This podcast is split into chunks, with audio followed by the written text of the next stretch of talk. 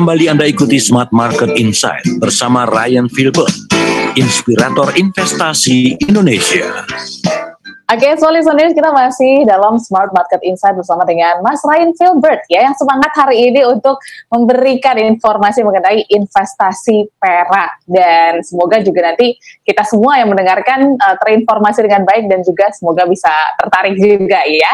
Dan uh, listeners, kami undang Anda juga untuk berpartisipasi sore hari ini, boleh sharing ya, kira-kira Anda sudah pernah mengenalkah investasi perak ini, atau mungkin uh, menggunakan perhiasan perak, boleh silakan sharing di 0812 11 12 959 atau menggunakan live chat YouTube kami di Radio Smart FM.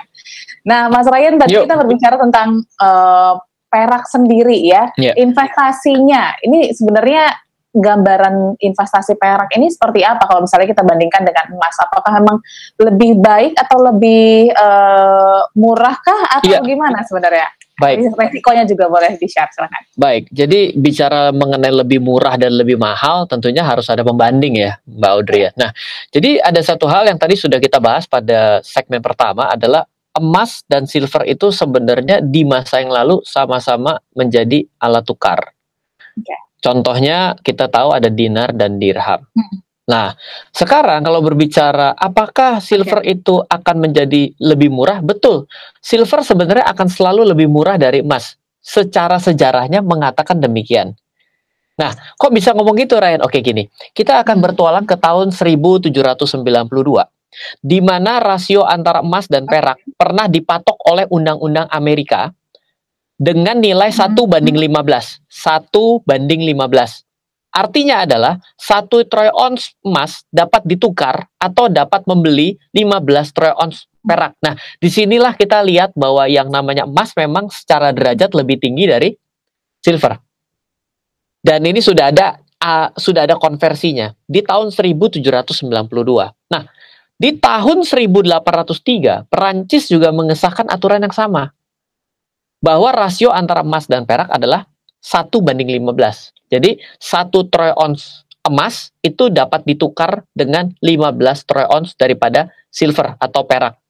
Satu troy ounce itu kalau digramkan itulah 31,1 sekian sekian sekian sekian sekian.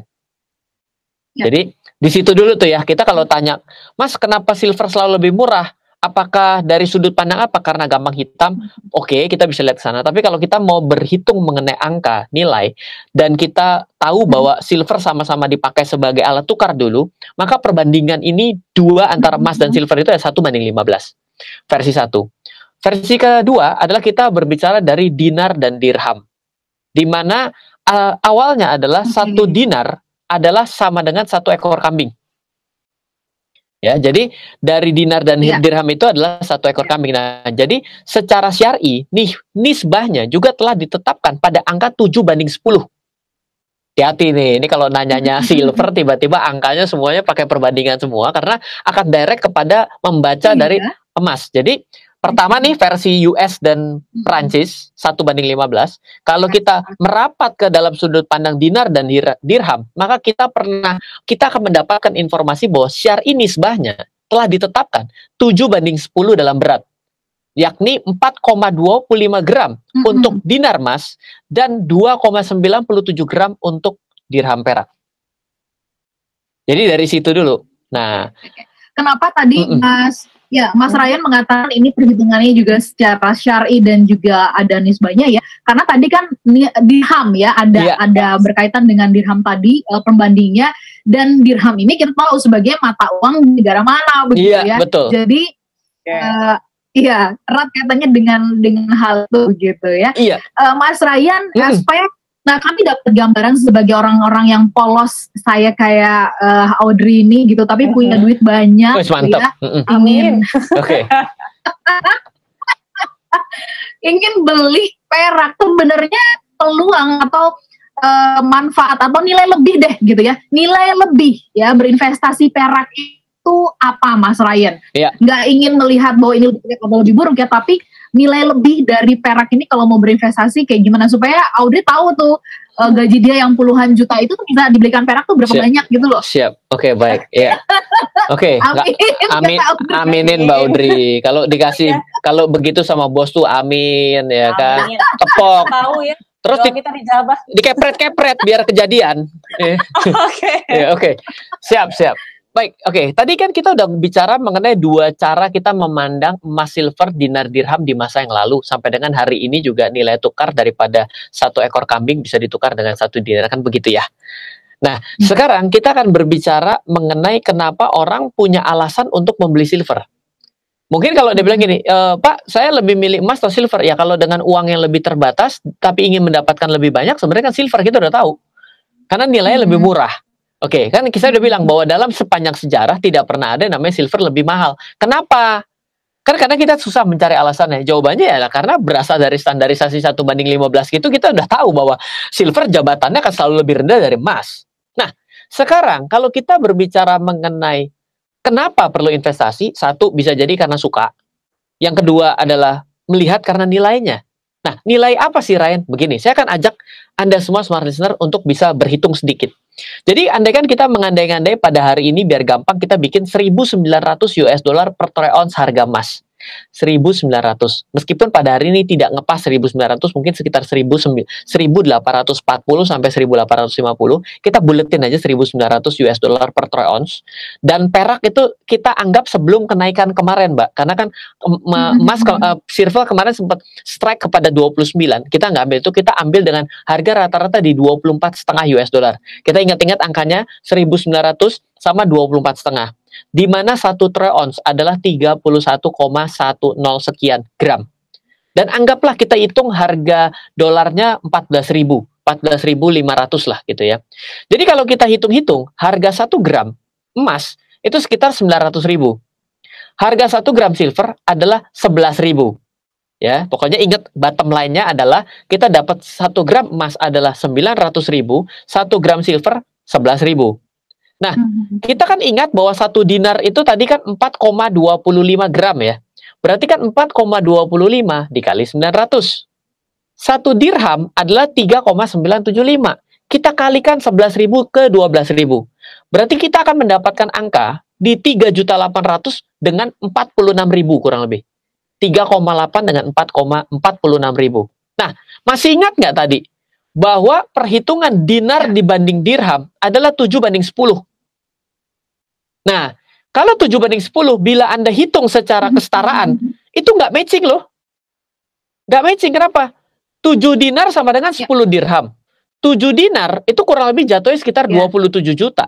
10 dirham tadi kurang lebih sekitar 46 ribu kali 10, 460 ribu. Apa kesimpulan Anda? Kok dirhamnya ketinggalan banget? Harusnya kan mengejar 7 dinar dong. Berarti dari ya kesimpul yeah. ada dua kesimpulan. Satu, dirhamnya terlalu murah atau dinarnya terlalu mahal. Nah, sekarang tinggal Anda persepsikan hmm. sendiri. Kalau misalnya yeah, yeah. dirhamnya terlalu murah, berarti kan dirham di 460 ribu akan mengejar ke 26 juta. Atau posisi dibalik, harga dinarnya akan turun sampai 460 ribu. Matilah Belanda tuh harga emas. Ya. Baik. Nah, Mas nanti kita ngebahas dirham sama dinar begini nggak dimarahin sama pemerintah kan ya? Oh, ah ini ada catatan menarik. Gini teman-teman semua. Jadi uh, ketik uh, uh, kejadian yang I know, I know, I know. Yang dia berbelanja, yes, yes, yes. ber apa namanya ber transaksi tuh yeah. dengan menggunakan itu gitu. Betul. Uh, Mbak Ola itu kan sering ngebayar saya nih. Cie, bayar buat apa kita nggak tahu deh. Andaikan saya tiba-tiba bilang, Mbak Ola, sorry, mulai besok bayar pakai dolar ya. Itu sebenarnya saya sudah langsung nggak boleh loh. Saya langsung melanggar aturan daripada Bank Indonesia loh. Jangan kan dinar dirham, dolar yang kita sering tiap hari ngomongin dari tadi kita ngomongin dolar. Itu tidak boleh karena apa? Di Indonesia itu aturannya menerima dan membayar dalam satuan mata uang rupiah. Jadi hmm. tidak bisa ditukar dengan yang lain, ditukar dengan membayar pakai Bitcoin. Di Indonesia Bitcoin tidak bisa dijadikan alat tukar, hmm. tidak bisa dijadikan alat hmm. pengumpul modal, hanya bisa dijadikan alat komoditi. Mm-hmm. Komoditi artinya ditradingkan. Iya. Dan itu berlaku dengan iya. emas. Kalau emasnya sudah diolah sehingga menjadi perhiasan, dibeli, itu tetap waktu beli kan ditanya, bos, kok jual berapa duit nih? Oh ini satu setengah juta ya dek. Ya udah satu setengah juta bayar pakai rupiah. Bukan kita tukar sama silver kita kan? Nah, ya, jadi itu tidak bisa karena ada peraturan dari perbankan kita yang harus kita patuhi, gitu kira-kira. Oke, jadi tetap cinta rupiah gitu ya? Iya. iya harus ya. Cinta rupiah.